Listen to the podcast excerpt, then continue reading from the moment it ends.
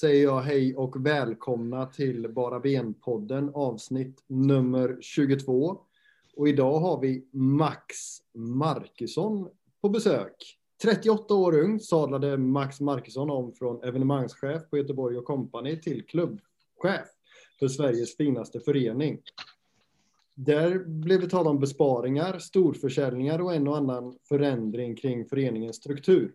Om vi backar tillbaka bandet några år täcker CV en plats i Häckens styrelse, en plats i styrelsen för handbolls-EM samt ett vd-jobb på tidningen Faktum.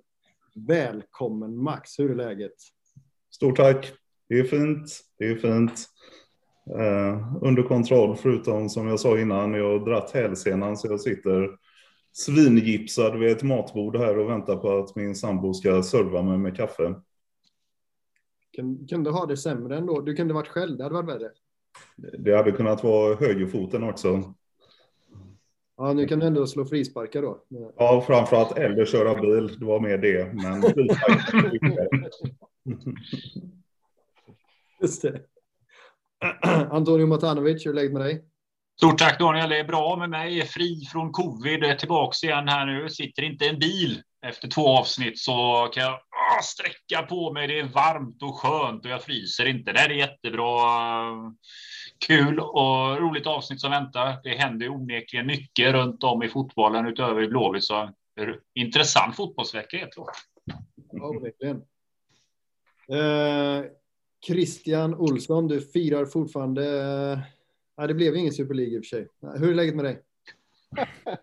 jo tack, det är bra. Det är bra. Hur är du själv Daniel? Åh, oh, tack som frågar. Um, jo, men det, det är bra. Jag har en lite rosslig hals bara, men annars så. Det är kul, och, kul att ha Max här. Uh, det så det är bra. En, en till person från civiliserade delar av stan. Vad räknas som det? Eh, ja, jag tänker väl eh, hästskon och bananer får räknas som civiliserade delar av stan. Ja, ja, det herregud. Jag, jag är ju en banankille, va? Ja, jag är uppvuxen i hästskon. Men ja. Eh, för övriga lyssnare så kan vi säga att vi rör oss i södra Guldheden. Ja, okay. Även för mig då, som jag, jag är inte heller härifrån. Men eh, det ska vi inte prata om nu. AIK, eh, Blåvitt, AIK eh, i måndags. Tämligen enkelt ändå, va? Eh, Max, vad är dina spontana eller vad var din spontana reaktion? För jag antar att du såg matchen eller vet hur det gick i alla fall. Ja, ja, herregud, jag, jag följer ju eh, varenda match skulle jag vilja säga. Nej, men, eh, ja, men lite som du sa, eh, tämligen enkelt. Eh, jag tycker att eh, Blåvitt gör det Blåvitt ska göra som eh, som Rolle har försökt inpränta med ett stabilt försvarsspel, eh, mycket disciplinerat eh, spel över hela plan. Eh, egentligen två saker jag blev förvånad över. Hur, och det var hur dåliga AIK var defensivt. Eh, jag hade förväntat mig oerhört mycket mer av dem. Och det andra är hur dåliga AIK var offensivt. Eh, de skapar ju i princip ingenting. De hade ett litet ryck i första, slutet på första halvlek där och så fasta situationer är de ju giftiga på. Men jag tycker att Blåvitt plockade ner dem på ett mycket bra sätt. Och Sen märker man ju också skillnad när, eh, när man har Kolbäng på plan. Eh, det, det, krävs ju det här spelet som eh, Rolle försöker spela med 3-5-2, att det är närvaro i straffområdet. Och det tycker jag haft lite tidigare och det, jag visar väl lite eloge till Pontus då med värvningen av Kolbäng helt enkelt. Att att det är den typen av spelare som kanske har saknats lite sedan tidigare. Så stabil seger, det är hotat, ja, lugnt. Ja, ja, jag skriver nog under på varenda ord där. Antonio, var... Blåvitt har inget grund, grundspel, eller hur var det? Så är det och det fick vi ju se i måndags eh, enligt många en del på Twitter där. Det, jag vet inte, ibland när man läser sociala medier känns det som att folk tror att Rolle sitter i omklädningsrummet och säger till spelarna Ja, det är match idag. Gå ut och spring och lycka till. Hoppas det går bra. det, nej, det är, jag tycker att det vi fick se här i måndag så Alltså, om man ska summera den matchen på något sätt så tycker jag att Blåvitt spelar på det sättet AIK vill spela på ett sätt så åkte de på en egen medicin här med tungt spel, stabilt försvarsspel, tungt hela vägen. Det var mycket kamp på plan. Det var grinigt på plan. Det var liksom eh, härligt att se. Det var kamp. AIK var inte starka nog här och de fick inte någon riktigt grepp om matchen. De, som Max är inne på, de fick lite lägen, smålägen, men det här var en sån match där när vi gör 1-0 jag, vet inte, jag fick med mig det också lite grann från Örebro, för även Örebro-matchen, trots att den slutade 0-0, så var jag aldrig orolig att vi skulle förlora, för det kändes på något sätt så tryggt i spelet. Eh, när vi gjorde 1-0 kände jag att det här blir tre poäng. Det, det, är väldigt sällan man de senare åren känt en trygghet, men jag var aldrig nervös. Det var lugnt och sansat. Alltså förstår vad det Det var kamp, men det var lugnt och sansat på plan. Vi var trygga med det vi gjorde. Och vissa spelare utmärkte sig mer otroligt mycket som man. Ja, det var ett stabilt spel och Kolbeinn på topp, en sån som suger åt bollen är på rätt plats. En kraftanfallare som vi har saknat lite grann. Eh, gjorde ju skillnaden där. Ja, Ja, det som oroade i och för sig var väl om någon i AIK skulle lyckas filma till sig en, en utvisning på någon i, i backlinjen eller Aiesh eller så. Ja, Aiesh var jag lite orolig över, för det var, han, han, var på, han var på tårna, Aiesh, där uh, i allt, så han, han körde på. Det var nog klokt att man bytte ut uh, Hossam där, för det, han kan fått ett gult kort till på någon aik som hade kanske fallit väldigt lätt. Ja. Man har ju hört att Sebastian Larsson kanske inte har en helt sund inställning till, eh, till det där med att tävla och sådär. Det, det, det, brinner till riktigt ordentligt där även i jämförelse med andra fotbollsproffs liksom. Men jag trodde inte att han var en så jävla filmare. Nej, jag tror inte heller inte efter tiden i Premier League. Jag tänkte man lärt sig något vett där borta, men eh, det försvann snabbt i sådana fall. Ja. Eh, Christian, vad, vad, kände du inför matchen? Eller efter men, under? Eh, nej, men jag, jag det mesta är väl sagt egentligen. Det enda som jag känner är väl att eh, man eh, får ta det lite försiktigt för AIK och kanske helt enkelt är ihåliga. Att det är att vi inte riktigt var så bra som vi var i måndags, utan att de var rätt jävla dåliga. Eh, så att man inte går på en mina framöver här nu. Men, eh, ja, men annars så tycker jag att det det är märkligt att de inte ens får till en tillstymmelse till forcering i andra halvlek. De har liksom en hel halvlek där de ska forcera och det händer ingenting. Ja, ja, ja, ja. Nej, men det, det skiljer sig lite grann från Örebro-matchen om man ser också hur vi agerar och vad vi är någonstans på banan. Jag tycker att vi var jättebra när AIK skulle börja med boll, att vi var vi störde deras spel väldigt mycket. Det var ju det som var det stora problemet borta mot Örebro i andra halvlek, att då hade vi våra tre centrala mittfältare framför våra backar. Nu hade vi våra centrala mittfältare högt upp på banan, en väldigt fin spridning också av spelarna som var överallt på banan och AIK kunde liksom inte komma runt det där eh, på det sättet som Örebro.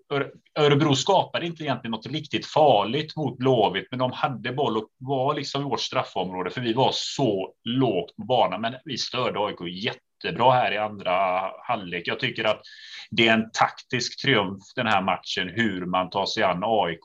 För AIK vill ju spela det här spelet och vi gjorde det bara bättre än dem. Så det var ju kanske inte klang och jubelfotboll om man ska hårdra det. Men jag tycker att det är en stark prestation. Det var en taktisk eh, prestation. Ja, jag tyckte man rullade rätt fint i andra ändå tempot var ju mycket högre. Det var, det var en bra match, tycker jag absolut. Eh, men jag är lite inne på Christians spår, man ska inte dra för stora växlar av det. Nej. Men eh, taktiskt sett så är det, vi, jag tycker vi möter ett bra lag, fast vi gjorde hemläxan. Ja, men kan man inte förvänta sig mer då? Sebastian Larsson, Micke Lustig, Bahoui, Stefanelli. Stängde man inte ner dem ganska bra då? Precis. Just, just de som skulle prestera för AIKs skull. Alltså, jag, jag tror ju att det, de är inte svinsvårlästa i hur de spelar. Liksom. De, har, de har ju Lustig som ska försöka driva och försöka vara den här passningsfoten bakifrån. De har eh, Sebastian Larsson på mitten som gör det Sebastian Larsson gör, inklusive att filma uppenbarligen. Mm. Och sen har de värvat in Stefanelli då, som jag inte tycker ersätter Goitom någonstans när Goitom var så bra som Goitom bör vara. Så jag, jag, jag, jag, kände ju mer som så här att stänger du de tre pjäserna då, då var det inte så mycket mer att hämta ifrån uh, Solna. Nej, Nej var väl, uh, han, var väl, han var väl underkänd liksom. Ja, mer än underkänd. Ja, klappkass. Ja. Men, Men ta, en, ta en sån som Stefanelli Ja. En renodlad striker. Alltså, hur mycket var han i boxen egentligen? vet, han, alltså, vi, han var ju tvungen att hämta boll långt utanför straffområdet. Stefanelli är ingen kille som dribblar och har sig och fintar, utan alltså, ska man nyttja en sån spelare rätt sätt så ska ju han vara i straffområdet, tåpaja bredsida. Det är liksom det han kan göra, men vi, han kom ju inte ens upp till att skapa sådana lägen och då, då är Stefanelli värdelös. Ja. Och det är intressant att du säger att du nämner Goitom där Max, för att jag, när han kom in så blev det ett lite annat, eh, lite annat anfallsspel. Nu såg han ju fruktansvärt trött ut, men mm. han var ju ändå bästa offensiva spelare i AIK. Kändes, tyckte jag i alla fall.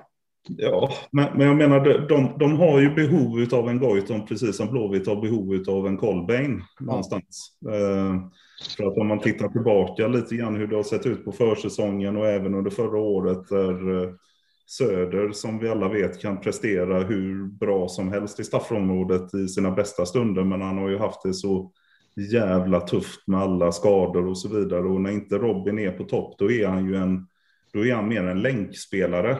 Mm. Eh, och då behöver han någon bredvid sig som tar de löpningarna som man inte förmår. Och, och och det, det är ju det Colbain gör i, i dagens Blåvitt och det är ju det, vad heter det, Goitom har gjort i AIK. Han är stor och stark och jobbig och jävlig. Jag tänker bara på den här straffen som vi fick mot oss förra året där man bara ville liksom gå ner på läktaren och slå honom på halsen liksom. Men, men det, det är ju en sån typ av spelare som man vill ha i laget ändå. Ja. Eh, och vilken nytta han gör. Och när han inte är där, då har du Stefanelli som har andra kvaliteter, men då kanske du inte kan spela samma spel. Riktigt. Nej, precis. Jag bara, hur är det då liksom? Och, alltså, för du jobbade ju ändå eh, i Blåvitt när, när, Söder hade det trassligt. Alltså hur, hur, hur, hur är det på jobbet då när, det, när de går runt där och är, är skadade hela tiden, han och Paka och så? Alltså hur blir, hur känns det så att säga? Nej, men jag menar, det, du har ju de här 30 matcherna i, eh, varje år eh, och eh, någonstans så blir det ju att man, man mår ju på jobbet som det har gått på matchen. Mm. Helt enkelt. Eh, och jag menar den här våren, om vi tar förra gången man spelade på, på Stora Ullevi. Mm. Eh, alla, alla kände att Blåvitt var uträknade och eh, Poja hittade ett sätt att spela utifrån de resurserna som fanns där och då. Och där allting funkade och allting satt. Då, då, då hade man ju kunnat köpa champagne till hela KG varje dag för att det var så jävla roligt. Mm. Men, men, sen så, så var det ju där, sen kom ju skadan på Paka. Började gå lite knackigt. Jag tror inte vi gjorde något mål på fem matcher under hösten eller vad fan det var. Jag vet, jag satt med Poja och han frågade men vad vill du Max? Nej, men börja med att göra ett jävla mål så blir jag lite nöjdare i alla fall. Mm. Uh, och, och allting kretsar ju kring det som sker på plan. Men det är ju klart att uh, sådana killar som Söder och, och Paka och nu Jakob och alla de andra som, som lever för det de gör på ett sådant sätt. Eh, så när, när de råkar ut för skador, då man lider ju oerhört med dem.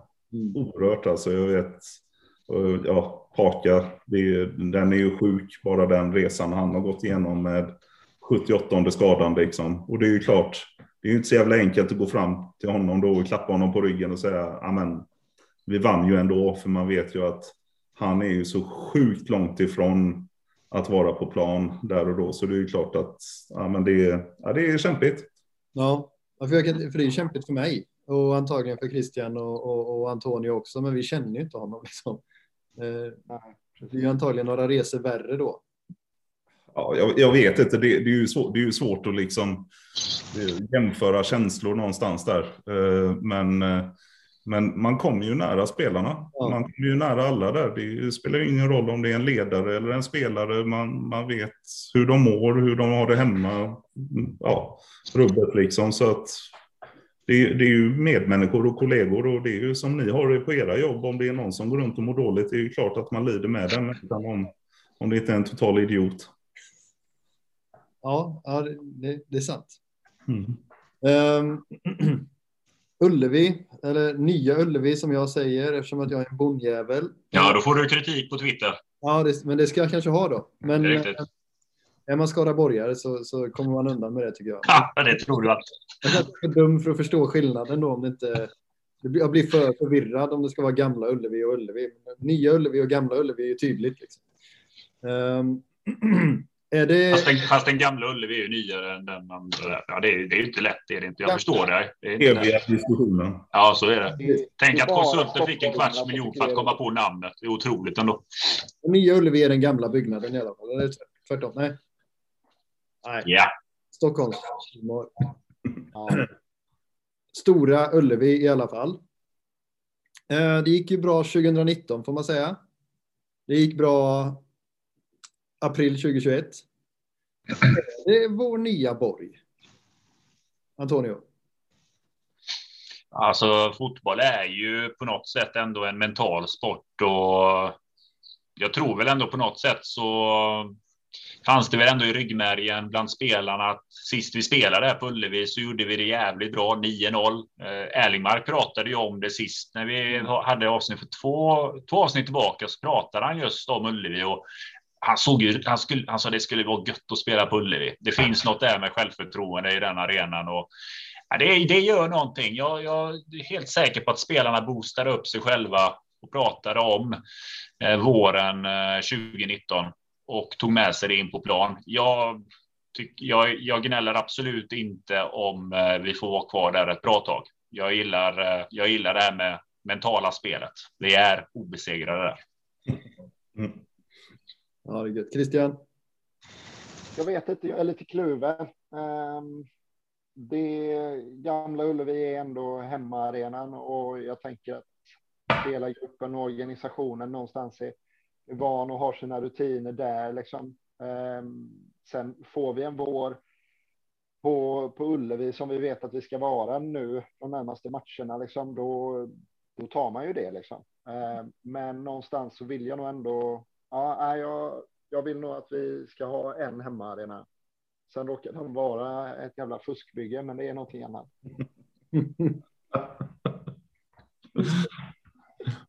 Ja, den är fin. Jag gillar, jag gillar den i och för sig. Uh, Max, vad, vad har du för känsla inför uh, Ullevi? Stora? Uh, nej, men jag, jag, jag, tror som så här att för spelarna i FK Göteborg så spelar det inte någon större roll faktiskt. Och inte för eh, de som är runt laget heller. De är så pass professionella. Du kan eh, slänga ut dem här på Åsa IP och de kommer göra sitt jobb ändå. Däremot så finns det en, en aspekt i Stora Ullevi som jag tror är ganska viktig och det är motståndarna. Mm. Eh, det är en jävla maffig arena. och att Även om du heter AIK, även om du heter Hammarby eller var du nu kommer ifrån, där du är van med ett stort publiktryck, så är det någonting annat att komma in på Ullevi. Så att apropå det mentala spelet så tror jag faktiskt att eh, det påverkar motståndarna mer negativt än vad det påverkar Blåvitt positivt om man säger så. Om ni är med på vad jag menar. Mm. Ja, jag fattar. Eh, och sen har motståndet får eh, kalla duschar på Stora Ullevi också va? Alltid, det får de. gamla. Är, man drar ner fläktsystemet genom gammal kexchoklad och riktigt vatten och alltihopa. Det tillhör. Ja, just det. Mm. Um, men jag, jag, jag, jag, jag har världens minsta anekdot på Stora Ullevi. Ja. En kickoff med McDonalds för, vad kan det ha varit, 22 år sedan tror jag. Så spelade vi brännboll inne på Stora Ullevi. Oh. Och hade två kranar med bärs där inne. Det var fint. Så, Därför är det bättre där. Därför är det bättre där. Nej, men helt otroligt nog så har beträtt den där gräsplanen. Ja, just det. Mm. Ja, ni fick spela på gräset alltså? Jajamän. Oh, fan. Det hade ni inte fått göra på gamla. Det hade vi nog fått göra nu överhuvudtaget tror jag. Så kan det också vara. Jag gillar, jag gillar ja, det, ja, det är omöjligt att välja egentligen. Jag gillar ju gamla naturligtvis eftersom att det blir ju bättre tryck där. Men samtidigt så nya. Jag kommer ihåg man hade åkt. Fan, jag vet inte om jag åkte buss eller någon sån här caterad bussresa från Götene liksom och, och skulle sitta där i, i regnet 07 och, och, och segla hem guldet liksom. Det var ju. Det minnet är ju ändå starkt alltså. Nya har vi inte, eller Ullevi. Och Europamatcherna för de som är lite äldre och som var och såg dem, det, det är ju, nej men det är något magiskt med den, det är det. Men samtidigt, hur länge skulle det vara magiskt om vi spelade där hela säsongen? Det beror ju på hur det känns att förlora där då. Mm. Men eh, Eh, vi går tillbaka lite till matchen, för jag tycker inte riktigt att vi kanske pratade klart om defensiven. Vad var det som gjorde den eh, så him Vad var det som gjorde att det kändes så himla stabilt? För det är ju det är inte bara att man lyckades eh, neutralisera Larsson, Lustig och, och Stefanelli. Eller? Max, du kan få börja. Uh, nej, men jag tycker att uh jag tycker att det Rolle har inpräntat det att uh, vara väldigt tidigt på försvarssida. Helt enkelt. Det gjorde han uh, redan när han kom uh, förra året. Han var väldigt noggrann i just försvarsspelet. Hans teori är ju att man bygger hela Eh, huset byggs från grunden och det är därifrån. Och det tycker jag att man såg eh, väldigt, väldigt tydligt. Och eh, särskilt då med wingbacksen där jag tyckte jag blev positivt överraskad av Hossams insats även i, positions, alltså i positionsspelet. Jallow tycker jag är en gudabenådad wingback så att där var jag inte liksom förvånad. Men när det är lite skador så som det är nu och man spelar med den trebacken med Bjärs i mitten och Sebban till vänster och så Torlinsson då som eh, jag, jag, tycker ju är en av de mest begåvade mittbackarna som finns i svensk fotboll. Eh, han har extrem utvecklingspotential. Men orutinerad. Sebban kanske inte svinvan att spela där.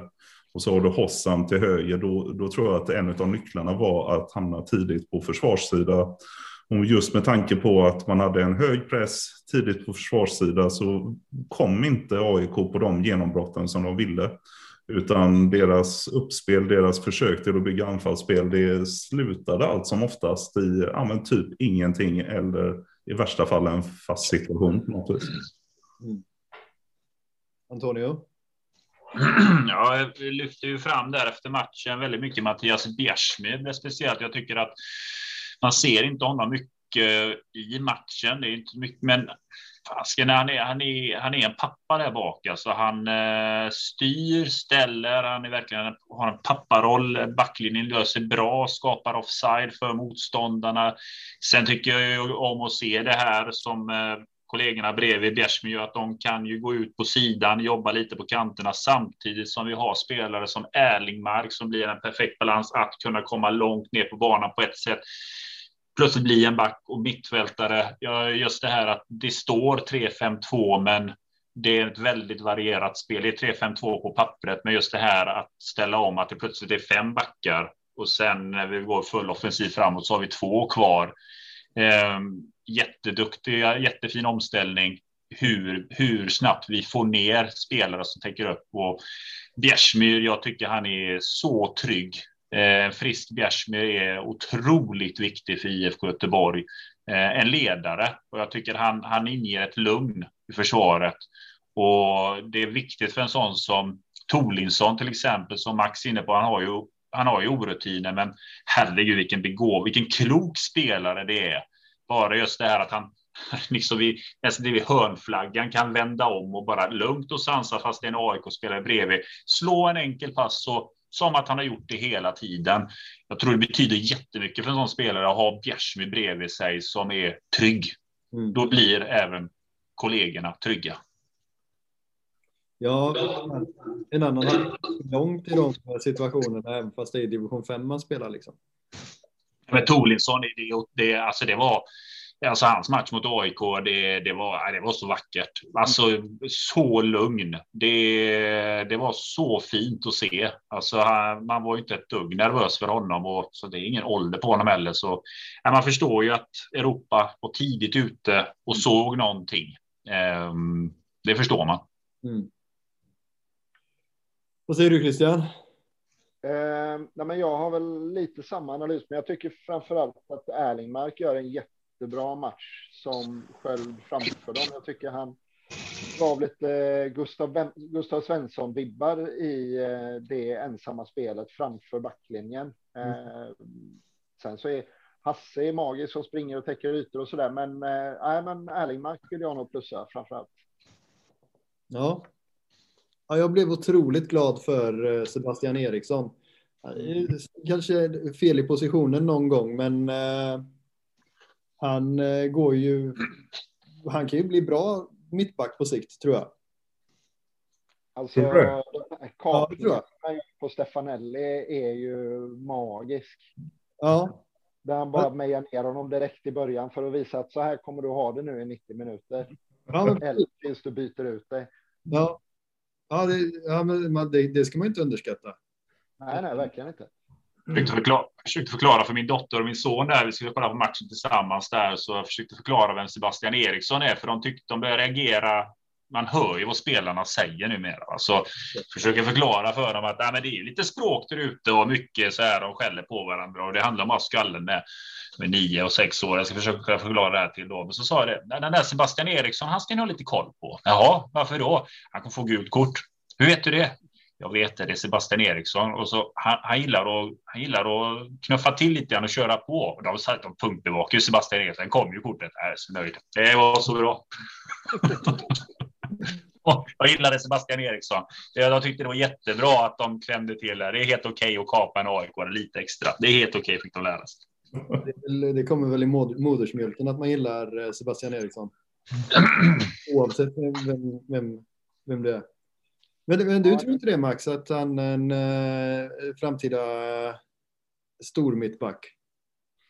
Ja, men alltså, jag, jag, jag tror att eh, Seb, Sebban i den truppen som finns nu eh, så är han den perfekta hjälpgumman på vilken defensiv position som helst. Det är en eh, otroligt lojal spelare, en lojal person. Eh, jag menar förra året, han, han spelar väl typ alla defensiva positioner som fanns. Ja. Eh, och gjorde det liksom okej okay, de eh, allra flesta gångerna tycker jag. Mm. Eh, man, man, vet ju vad man får utav Sebban. Och, och jag menar, eh, det, bara, bara att ha det, ha en sån eh, väldigt tydlighet i vad du får ut av en spelare oavsett motstånd, oavsett position. Det är en extrem tillgång i en trupp. Ja. Eh, sen så tror ju inte jag att efter EM-uppehållet att Sebban kommer vara ordinarie i alla matcherna. Eh, det har jag svårt att tänka mig. Eh, Kalle Johansson kommer ju definitivt att slå sig in där och sen kommer ju Oskar på vänsterkanten och då är ju frågan om man överger det här 3-5-2-spelet för, för en 4 fyrbackslinje istället och då, då är det ju tajt med platser för Sebbans skull. Så att, mm. Men han fyller sin funktion och han eh, gör det på ett oerhört bra sätt. Så skulle jag vilja säga. Kalle Johansson som har hyllats mycket. Pontus Svanerud som var här var ju väldigt lyrisk över den. Över Kalle. Vad, vad kan du säga om Kalle, Max? Ja, en fantastisk kille framför allt. Eh, vi pratade om Kalle väldigt mycket under hela förra säsongen. Eh, stark, mogen. Det är ju en, en lite late bloomer eh, på det viset. Han har ju han har ju tagit en ganska lång väg i sin karriär, eh, men, men var oerhört nyttig i ett Falkenberg. Eh, och sen framförallt som person är det ju en, eh, det är en kille som eh, man bara älskar ju. Eh, lugn, lyhörd, ambitiös. Tycker ju att komma till Blåvitt är ju det största som har hänt honom eh, överhuvudtaget i hela livet. Eh, så att jag tror att han kommer göra väldigt mycket nytta i Blåvitt framöver.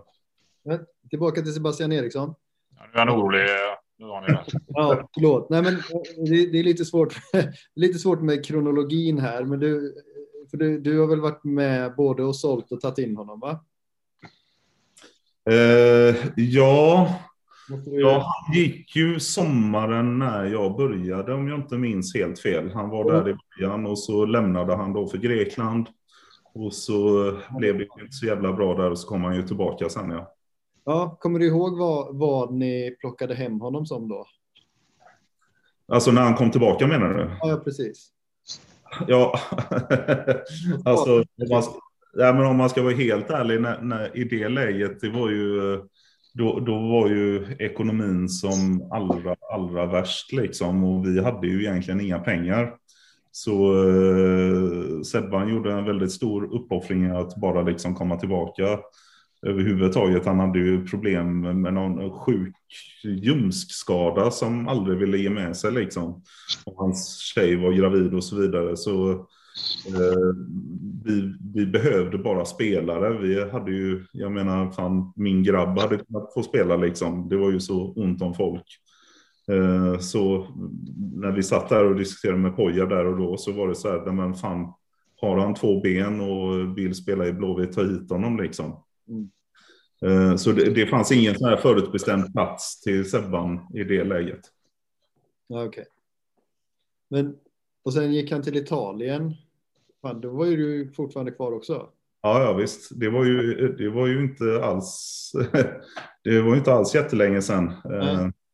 Det var ju innan covid den där. Han eh, gick väl till Genova var det va? Ja. Då måste du varit med och tagit hem honom igen ju. Ja, precis. Ja men, det, ja, men det är nog sant när du säger det. Det har varit så jävla många vänner med Sebban där. Uh, det, så nu kanske vi fastnar lite väl länge, men eh, kommer du ihåg om, han, eh, om det fanns någon tilltänkt position den gången? Nej, eh, inte, inte då heller faktiskt. Utan det där var ju, då var det ju en jävla massa strul med Italien där. De är ju inte så duktiga på ordning och reda och betala ut löner och sådana petitesser överhuvudtaget där. Så att det var väl återigen att, nej, att det inte funkade för honom. Och, och att han gärna ville komma tillbaka. Och, och det, det, har faktiskt varit så väldigt mycket under mina år. Jag vet både med, med Poja och med Rolle liksom att vi har inte haft lyxen att på något sätt pinpointa eh, spelare på särskilda positioner i och med att ekonomin har varit så pass ansträngd utan eh, det är ju egentligen nu eh, bara under det senaste året som vi har haft möjlighet att tänka lite mer långsiktigt på det viset. Eh, utan bra fotbollsspelare generellt sett och gärna sådana som brinner för Blåvitt och liksom har hjärtat på rätt ställe. Va? Mm. En annan spelare som eh, Ja, nu vet jag väl inte om Sebban har, har, tagit någon revansch, men Hossam Aiesh har väl i alla fall i någon mening gjort någon form av minirevansch i alla fall. Eh, med den insatsen han stod för mot eh, AIK. Eh, var, var det väntat att han skulle lösa wingbacken, Antonio? Man vill ju inte vara någon kvällstidning och säga att nu så, nu var det revanscher. Vi har ju, jag själv har ju varit ganska, ja, haft en mild syn på Hossam Aiesh. Jag gnällde mycket på honom i höstas, men det var, jag ska bara påminna om det, det som togs upp där då var ju mer, det får man utgå vad som sägs i media. Jag gnällde ju på att han nötte lite bänk och pratade om att byta klubb. Sånt där gör mig tokig för att jag har svårt att se en köpande klubb finna intresse i att en spelare gnäller öppet i media. Eh, och det kan ju övertolka ha sig, men eh, då sa jag det att antingen så biter han ihop och vänder detta till någonting bra, för då kommer han växa som spelare och människa och acceptera att han jobb, spelar i en konkurrensutsatt situation. Eller så byter han klubb, kommer göra det jädrigt bra, men då kommer få till slut en motgång med en skada och hamna på bänk och inte komma in och byta klubb igen. Men nu har det ju varit en försäsong. Roland Nilsson har eh, lyft, hyllat Hossam väldigt mycket över hans inställning på träning och han har sett väldigt bra ut under försäsong. Och det han gör mot AIK, han är ett irrvarv. Han är överallt. Han slår eh, otroligt fina passningar. Eh, framspelningen till 1-0 målet, jättebra klass på den och eh, han är liksom där bollen är och han var ju så taggad och jag tyckte man, han såg glad ut och han var taggad. Han var riktigt på tårna bara efter matchen när han eh, ger ja, Sotte den där lilla tjena tjena. Det, det, det är klart det är underbart. Han, han är ju på tårna så jag hoppas verkligen att det håller i sig för att Klarar han liksom av den där motgången han hade i skallen? För det hade han ändå, tycker jag, förra året, att han började prata om att det kanske är dags att se sig om något annat och ta en fast plats och göra det jävligt bra. Då växer man som spelare. Då tar man en lärdom och vänder det. Det är otroligt viktigt, för det man ska veta med Hossam Eshi är att han har ju haft ändå en framgångssaga från att kommit från ingenstans, spela i Östersund, ut i Europa League, liksom var det, det, var ju stort liksom. Det, de gjorde det ju väldigt, väldigt bra och var med, de var ju med då på, i deras framgångssaga. Och att få, nu blev det en motgång för honom prestationsmässigt, säger han själv. Och han var ju missnöjd med att sitta på bänk. Gör han detta bra så kommer han bli väldigt, väldigt duktig. Väldigt, väldigt bra. Då blir det absolut en revansch. Ja. Och det var ju så, när han kom så, var, så visste man ju att eh, motståndarnas eh, vänsterback kommer få gult kort idag. Det, så är det bara. Eh, och det var ju likadant. Nu kommer jag inte ihåg om det blev något gult på AIKs vänsterback. Jag vet att det borde blivit ett par, tre stycken på den gubben, men eh, det var ju en sån match man bara kände att ja, men Hossam har ju den här, han har hela jävla kanten. Ja. Eh, de hade ju inte en susning alltså. Du såg ju bara vad han gjorde vid hörnflaggan där. Vid ett läge han spelade fram. Alltså man bara, man bara njöt. Ja, man, han, han, man såg bara direkt, han blir inte stoppad. Han kommer dansa igenom den där hela vägen. Christian, var du förvånad? Eh, alltså det beror ju på hur långt tillbaka jag ska gå. Eh, men eh, alltså hade du frågat mig i början på januari så hade jag varit förvånad, för då trodde jag inte att han skulle vara kvar nu. Men eh, sen så tycker jag att ju mer säsongen har gått så har man hört på snacket från honom och man har fattat på snacket från Rolle att det är någonting, alltså att han, eh, han har hackat i sig det här och, mm. och att de har rätt ut det och att han är på rätt väg. Så då, då är jag inte förvånad på samma sätt längre faktiskt. Han har ju liksom alltid haft en sån en rivighet i sig eh, som ändå passar en wingback. Så jag, jag, är inte förvånad att han löser det defensiva så pass bra som han gör. Mm. Max? Eh, Hossan spelade ju wingback i Östersund. Eh, det gjorde han ju faktiskt i det under Potter.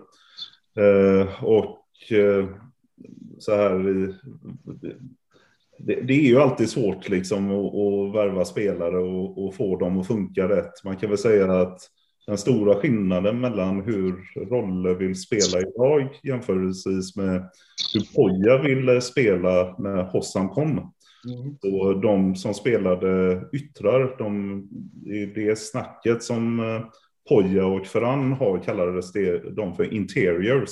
Det vill säga de skulle gå snedda inåt istället för att gå på utsidan. Eh, det var det som var eh, hela liksom, tänket med det. Och Hossam som spelare är ju, precis som ni andra har sagt, han lever ju för att slå sin försvarare. Eh, det, det är ju det enda som finns i hans huvud. Jag vet inte om ni...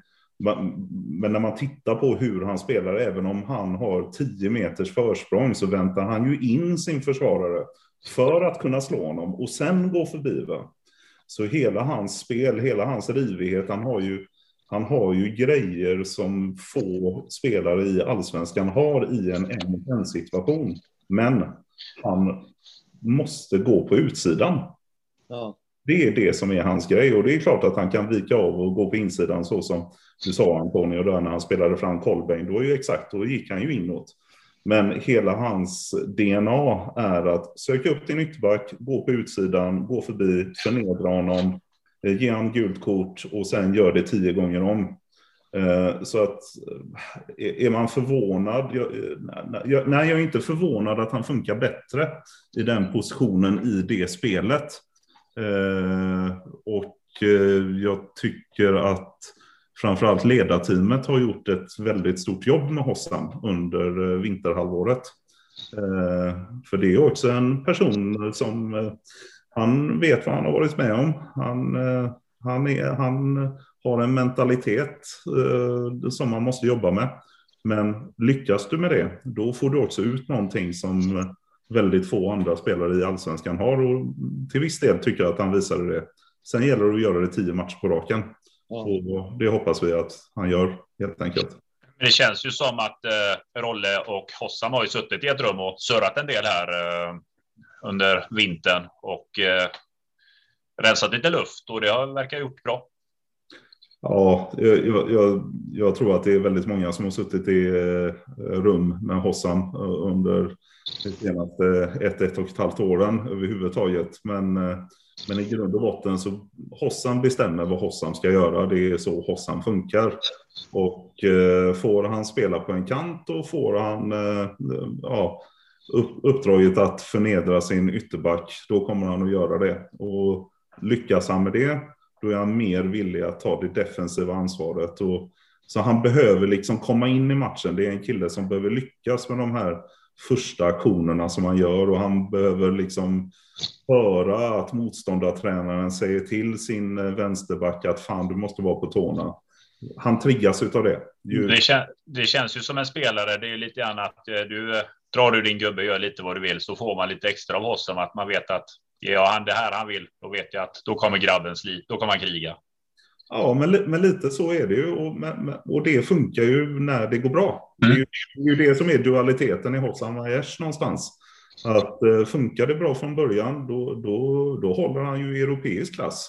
Mm. Eh, funkar det inte bra och du kanske ska eh, försvara en 1-0 eh, en 1-0 seger och du behöver liksom eh, bara slita och så här, då, då kanske inte han är rätt, rätt där och då helt enkelt. Så att jag, jag tror att eh, det, det Rolle jobbar väldigt mycket med det är att kunna pulsera Hossams insatser utifrån en matchplan mm. helt enkelt. Det låter som att, han, som att Hossam även har varit inne på ditt kontor. Ja men herregud, Hossam är inne på allas kontor. Eh, det, det, det, det är, Hossam, är, Hossam är världens bästa när han är på humör. Eh, och sen kan han vara en pain in the ass när det inte funkar liksom. Och det är så Hossam är. Uh, och det låter ju härligt att det kan vara att det är så högt i tak och att han får, eh, får vara sig själv ju. Men det, det, det, som är, det som är mest slående med honom för mig tycker jag är ändå att alla vet att han, han vill gå på utsidan. Motståndarna vet det liksom. Ändå kommer han förbi gång efter gång efter gång. Alltså han måste ju ha. Han måste ju ha en helt fantastisk teknik. Alltså inte bara det man ser på tv, det är uppenbara, utan det måste ju gå så mycket snabbare än vad, än vad det ser ut att göra. För att annars hade de ju tagit honom varje gång. Jag vill bara flika in där, vi ska inte glömma Adam Johansson och Stefan Selakovic fint där när de inkasten på högerkanten. Den höll väl i fem år i alla fall. Ja, det är sant i och för sig. Det går, det går att lura spelare i allsvenskan ganska länge, verkar det som. I och för sig. Han är väldigt bra en mot en eller en mot två eller en mot tre. Absolut. Colbain, såg vi den komma då? Max? Det gjorde vi väl. Ja, du gjorde det Christian. Ja, Christian har varit prov Colbain ganska ja. länge. Alltså jag fick, efter att vi satt och pratade med Pontus här så fick jag, alltså jag, jag köpte verkligen Pontus pitch. Ja. Eh, det får jag ändå säga. Ja, härligt. Jag förhöll mig väl eh, inte riktigt eh, så positiv. Jag, var, jag ska inte säga att jag var skeptisk till det. Så kanske jag var lite, lite Nordahl och var lite orolig över eh, om han skulle kunna prestera så himla bra fotboll redan nu. Däremot så tänkte jag att det kommer bli, om han får hålla sig skadefri så kommer det bli en bra anfallare igen. Men jag trodde inte att han skulle vara, så, alltså, även borträknat målen så, så, så har han ju stått, alltså han stod för en fin insats liksom. Han var jättebra. Vi ska lita på Pontus. Ja. Han har koll på sin skit den killen. Ja, men jag tror jag gör det. Mm.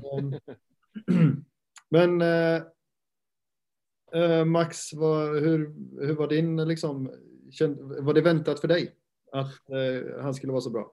Uh, ja, men, jag, nu, alltså jag hade ju inte riktigt det är ju svårt att veta eh, var en sån spelare står efter så mycket strul med skador och allt vad det nu eh, kunnat vara. Så han gick ju inte skitbra i AIK, det gjorde du inte. Eh, men samtidigt så har han ju presterat i landslaget. Eh, där de har eh, spelat mot bra mycket tuffare motstånd än eh, Varberg. Eh, så i grund och botten så är det ju en, alltså, en, en bra isländsk centertank. Va? Mm. Och eh, resonemanget, och det här, det här är ju sådana här saker som, som blev väldigt tydliga under förra året, vad, vad som saknades då när, när Robin gick in och ut i, i sina skadeperioder och så vidare med, med Alex Fanerud då som det enda anfallsalternativet. Att vill man vill man ha ett spel så som Pontus vill bygga den här truppen med många kloka fotbollsspelare. Det är det som är hans devis. Ju mer kloka och duktiga fotbollsspelare vi, vi kan få in, desto mer flexibla kan vi vara i vårt sätt att spela. Men då är det så här, då har du helt plötsligt en mängd spelare som kan leverera in en avgörande passning i den sista tredjedelen och framförallt inne i straffområdet där de allra flesta målen görs. Men du behöver någon som markerar närvaro. Mm. Så spelartypen var jag inte förvånad över att Pontus hämtade in.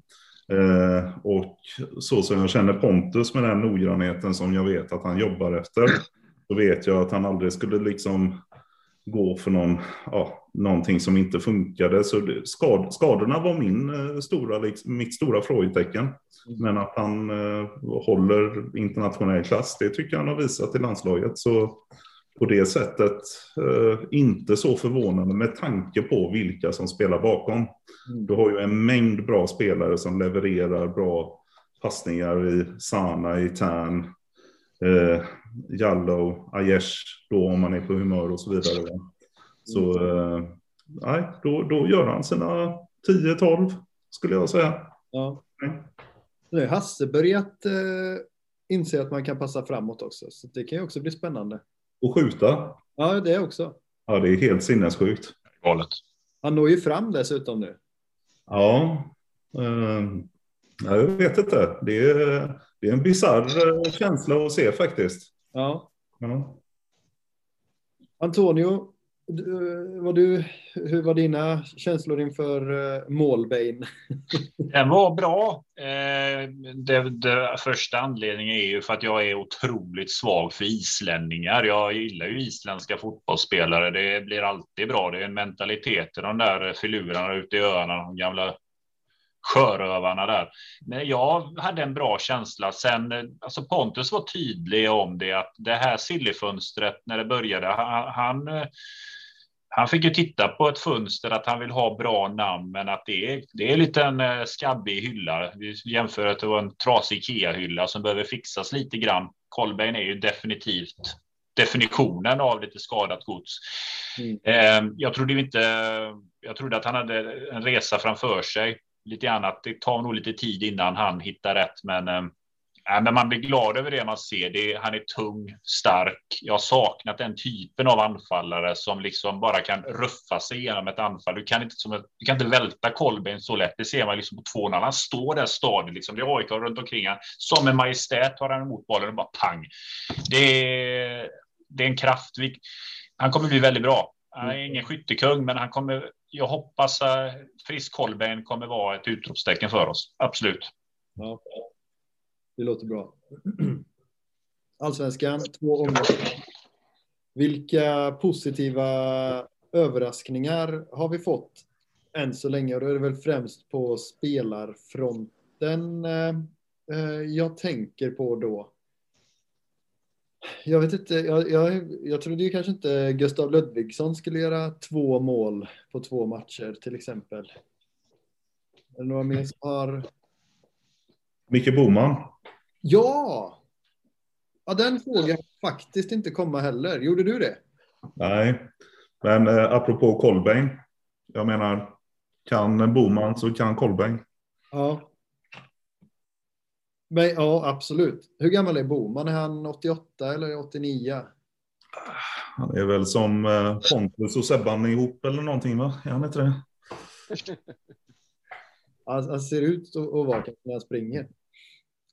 Uh, nej, men han är ja, positiv uh, överraskning. Har vi, um, Antonio, har du några positiva, några spelare som har imponerat snarare än överraskat kanske? Då? Ja, imponerat. Jag tycker att eh, jag gillar en sån spelare som Gustav Ludvigsson. Han har gjort mål det, båda matcherna. Det är lurig jäkel, sliter och kämpar av sig. Det är en sån där spelare jag hade velat haft. Ehm, upp, otroligt fin uppoffring. Tittade lite grann på Elfsborgs match borta mot Varberg. Jag får säga att han, eh, Endion, eh, Mm. Där verkar det vara en liten fena på gång. Jag tycker att Elfsborg har börjat få till det här med unga spelare som börjar blomma ut lite snyggt här. De, de har gjort det väldigt bra. Eh, sen är det någon som sticker ut får jag ju säga. Jag trodde väl inte på hypen, men han har imponerat. Han eh, Amo i Hammarby. Det Alltså den, den killen blir inte långvarig. Um, och där har ju Hammarby, det blir jackpot. Det är som en budgivning på ett hus. Nu titt, hörde jag mig, läste lite grann här, det, det är ju inte tråkiga klubbar som börjar titta på honom. Det är det högre skiktet i Premier League, La Liga och när de klubbarna börjar titta, då sticker priset. Det blir ju en kassako för Bayern. Jätte, jätte det är orutin på honom, men herregud, det där, det, han kommer bli väldigt, väldigt bra. De har scoutat bra igen, det får jag ge det till Hammarby nu. Ja, vansinnigt kraftfull också.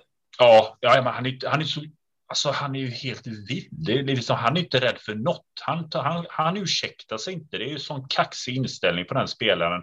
Väldigt, väldigt fint får jag säga. Ja, det, jag hade trott att Bernhardsson skulle blomma ut lite, men det verkar inte riktigt bli så va? Har han spelat? Nej, det, det, det, jag, jag tror inte han har gjort det. Nej. För jag trodde ju mer på honom än Ludvigsson, men det kanske säger mer om mig än om Bernhardsson i och för sig. uh, Christian, vad har du imponerats av? Uh, jag har ju min vanliga svaghet i de här segmenten att jag uh, gillar Blåvitt. Jag gillar inte fotboll. Är riktigt. Så. Um, men Amo som ni är inne på hade man ju hört lite surr, men där tänkte jag väl också att det här året skulle vara ett se och lära år. Sen så vet jag att det har snackats lite grann om han Turgott uppe i Östersund som nu passade på att dra in tre mot Örebro. Men uh, vad jag hörde så hade de ju. Ja, det känns som att de hade um, någon sorts magisk match, Östersund där. De gjorde mm. liksom mål bara de kom över mittplan. Det var ju fem skott på mål om inte jag såg helt fel, så det blev väl mål på nästan varje skott, så det var. Ja. Det var en bra utdelning. Precis.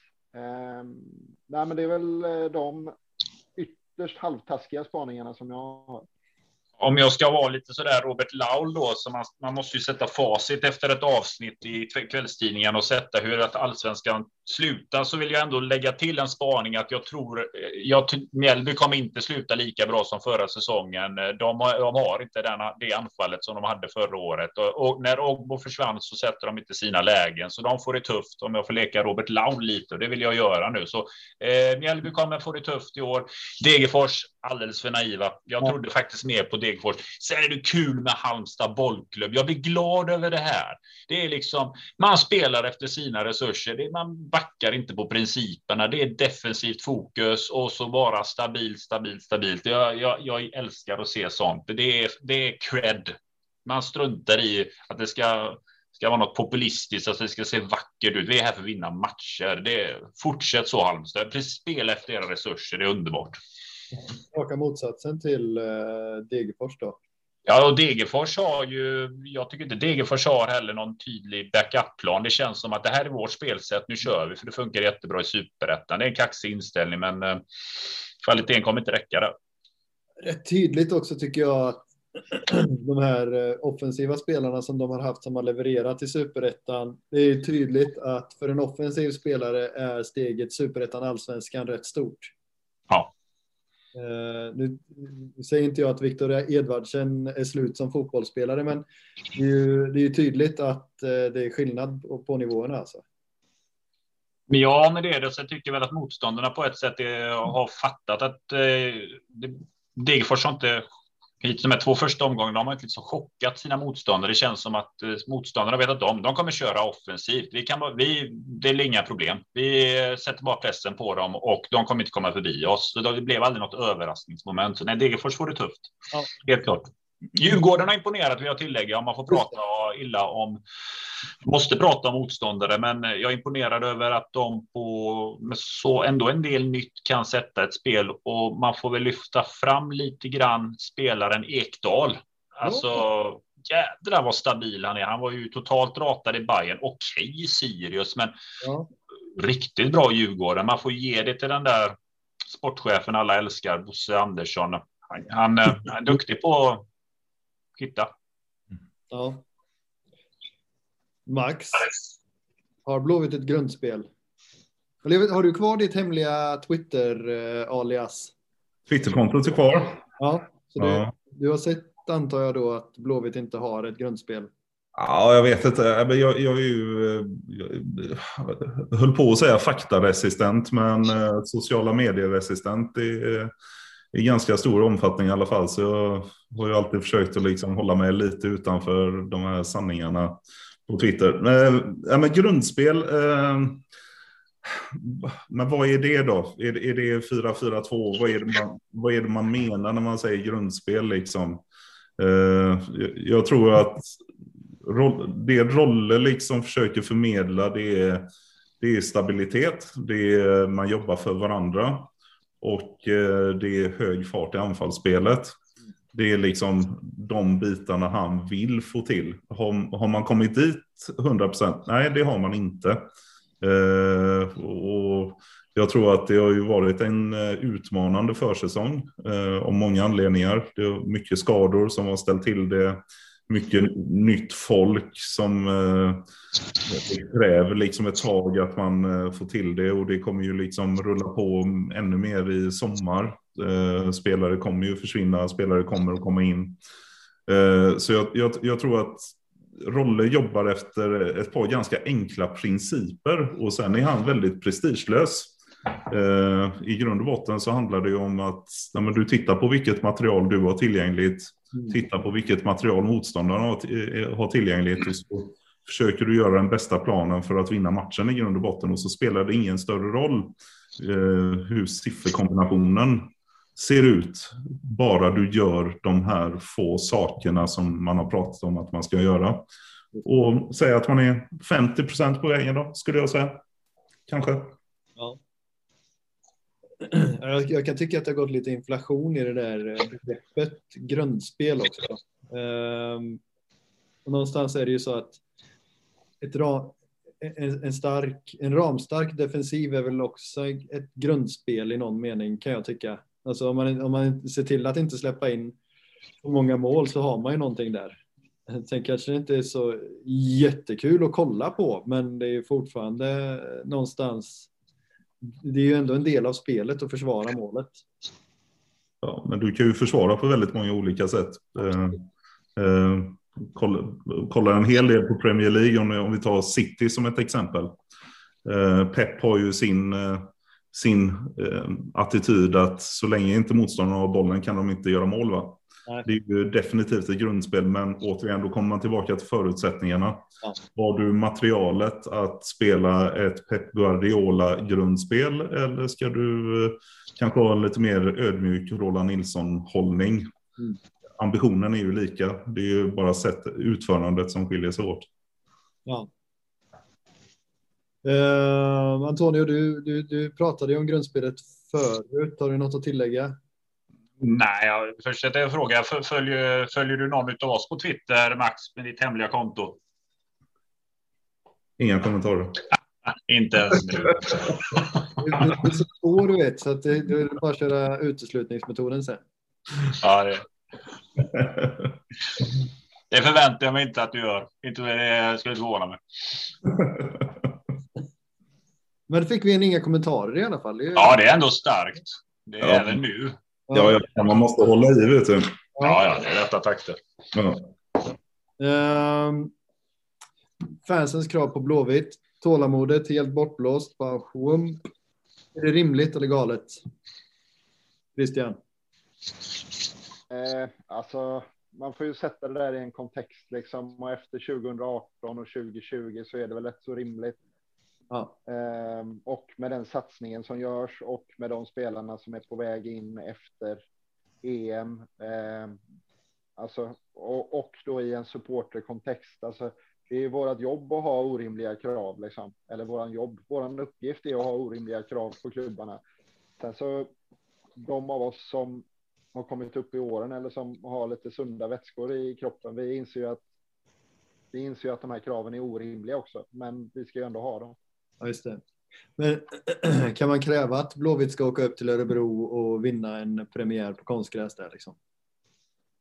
Nej, det kan Ingen man skandal. Inte, man kan ju inte kräva det och ett kryss borta mot Örebro. Det, vi, alltså, kollar man på siffror och så där från förra året så, så är det inte.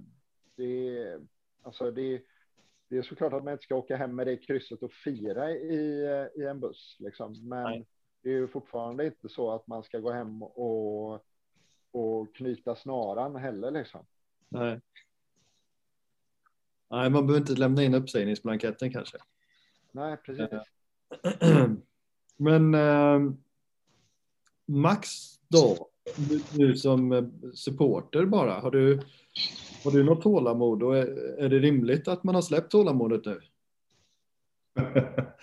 ja, precis. Eh, nej, men jag, ja, fan ska man svara på det här? Eh, ja, men, att, att ha, jag, jag, tycker att man alltid ska ha höga förväntningar på Blåvitt. Liksom att det, det är någon typ av eh, grundtes, en grundnivå. Sen, sen så behöver man ju ha rimliga förväntningar. Eh, för att inte själv bli asbesviken, tror jag. För sin egen skull, kanske. Ja. Eh, jag tror ju att hela den här grejen som vi har pysslat med nu i tre år handlade, den, alltså den, den syftade ju till att komma hit. Att få ordning på grejerna, att få ordning på strukturen, att få ordning på ekonomin så att man skulle kunna göra en ja, men ganska försiktig satsning har man ju ändå gjort. Det är inte så att Pontus har sprutat ut dollars i tomma intet, utan han har ju haft en relativt begränsad budget att arbeta med. Och eh, utifrån det så tycker jag liksom han, han har ju gjort det bra. Så, så är det ju. Sen blev det ju ett jävla galet fönster och som toppades av eh, någon som är bättre än Maradona liksom. Och, och jag menar med det så kommer ju förväntningar och då tror jag så här att om man hade en viss typ av förväntan när fönstret drog igång, när Pontus skickade av eh, var tredje spelare och så tänkte man fan behöver värva och så började det komma lite folk och sen kände man ja men fan eh, ja men det kanske kommer lite mer och jag menar vi på KG, vi visste ju att Mackan och Oskar var på ingång. Eh, så den, den fanns ju där någonstans och skulle ju det liksom toppas lite grann ännu mer. Så att jag tror att det är svårt att sätta krav på att Blåvitt kommer vinna allsvenskan i år. Eh, och det, det säger jag ju utifrån hur de andra lagen ser ut. Helt enkelt. Men det är, du, det är du som tar upp det. Är du, är du nöjd med, med ditt arbete för Blåvitt? Ja, herregud. Det, det är jag. Ja. Sen, sen finns det ju alltid saker och ting som man, så här, man hade kunnat göra annorlunda.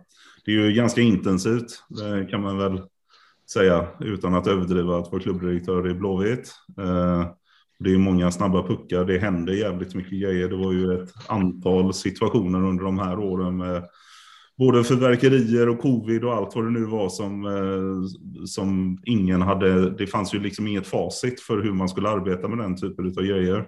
Så utifrån, utifrån förutsättningarna så tycker jag att vi, vi, har ju, vi har ju levererat det vi har sagt att vi ska leverera. Mm. Och det är ju därför man befinner sig i det läget där man är idag. Så ja, jag är nöjd. Ja, kul. Kul att få vara nöjd ju. Ja, det måste man vara. Ja. Matchfixningshärva inte minst också va? Eh, nej, det var precis innan jag kom in. Det var 2017. Ja, precis. Det var den gode Gren som, eh, fick eh, hantera det. Gren och Frank va? Ja, precis. Det hanterades. Ja. Allting hanteras och sen kan man göra det på olika sätt. Det kan man göra. Ja. Det, det kan man såklart göra. Um, Antonio? Hör du, det, jag tycker det här är en jättesvår fråga, men jag tycker den är superintressant det här med kravställning. Jag tycker det är, jag är i grunden glad att se att det, det hettar till lite grann i supportläget, att man pratar kravresultat och det är uppfriskande. Jag, jag blir glad för det. det tycker det har varit eh, otroligt defensivt i supporterledet. Det har varit mycket, det kommer, det kommer och alltså hashtaggen tålamod. Jag själv har ju mått dåligt över att se den, för jag. Jag har följt IFK ett tag och för mig så vill man alltid vara så högt upp i tabellen så det bara är möjligt. Där har väl jag brist på tålamod får jag säga. Men jag tycker ändå det är intressant att någonting hände ju i somras. Eh, och det är ju ändå som så att när Poya Asbaghi fick lämna IFK Göteborg så blev det det hände någonting i supporterled, för hur, hur man än vrider och vänder på det så Poja, eh, det, han har ju varit med om den här resan som Max pratar om, en omställningsfas för då att bygga upp igen IFK Göteborg. Och Poja blir ju ansiktet utåt, för han är ju ändå tränare och eh, många älskar ju Poja. Mm. Alltså för eh, alla pratar ju om Poja, Poja, Poja, Poja. Det är liksom, han är ju the man och han ska leda oss framåt. Han kommer vara den som vänder på skeppet. Och han hade ju ett enormt stöd bland många fans. Och eh, när Poja lämnar, det, det, det är många som har mått riktigt dåligt över att Poya Asbaghi lämnade IFK Göteborg. Och det blir en frustration enormt för Poja-fantasten att nu lämnar han och plötsligt så kommer Pontus Wernbloom in och Sebastian Eriksson. Och det blir lite grann, ah, nu satsar klubben och då får Poja gå. Lite grann det man kan se med tongångarna här nu, det är ju att herregud, med det här materialet, Poya Asbaghi fick aldrig chansen. Han har ju gått och blivit eh, den nya nu, Poja fick aldrig chansen. Och istället så hamnar mycket i supporterled, kan jag tycka hos många, en frustration som läggs på roller är att gör han en dålig match så kommer ju direkt jämförelsen att det här blev ju inte mycket bättre och det tar en, två matcher så kommer den jämförelsen med en gång. Och det finns en frustration fortsatt där ute över det här. Och det har, grund, det har påverkat, menar jag, på också att tålamodet är kortare för Rolle. Och i och med att vi går in till resultatfokus. Men, men är inte det liksom, alltså om man tänker då, alltså jag kan ju någonstans på, på ett nyktert sätt se att han har ju lärt spelarna massa saker och jag har ju pratat med spelare som också säger det att de har lärt sig massa saker, men att just där och då så var inte Blåvitt och Poja kanske liksom menade för att vinna ett SM-guld till varandra eller med varandra och, och någonstans kanske man behöver låta det vara där. Alltså, det funkade inte 2020. Det funkade jättebra 2019, men 2020 såg vi vart det var på väg och då alltså måste det vara så jäkla dramatiskt att man, att man sparkar en tränare plötsligt.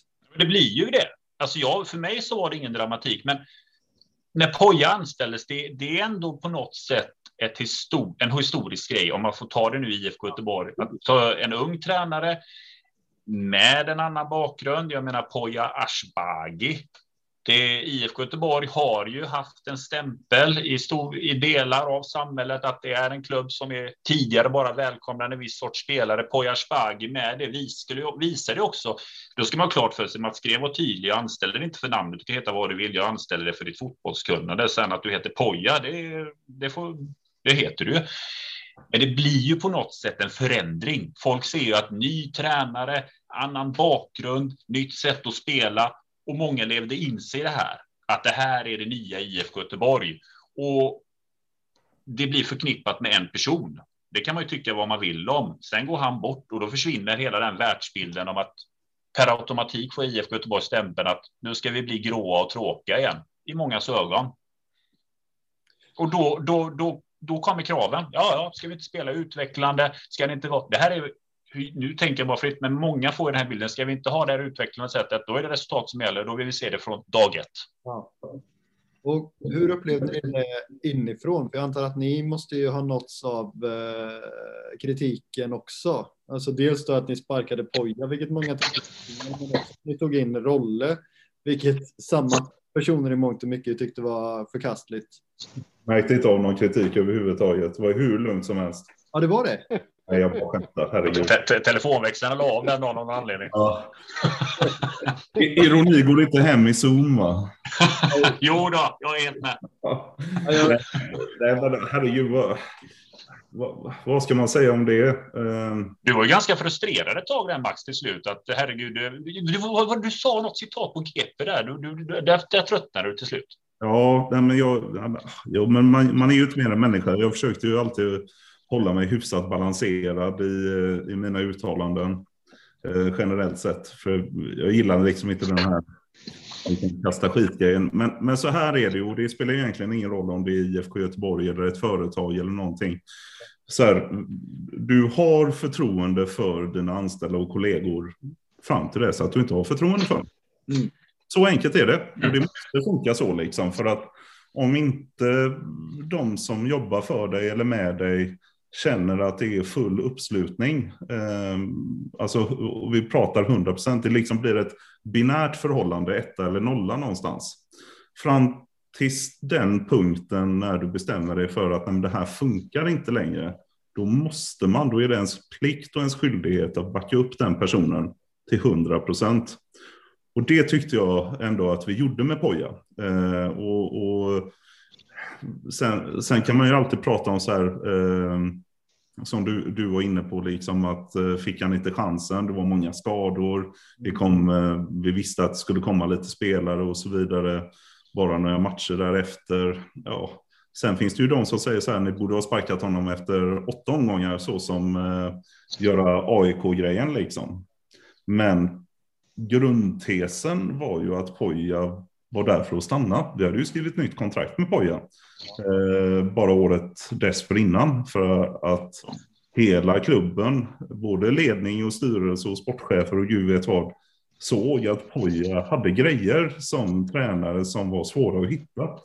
Lite det som ni nämner, liksom att många, jag vet, när Lasse eh, lämnade efter bara ett år, så sa han ju det rätt, rätt ut att vad fan jag än gör, behåll den här killen liksom.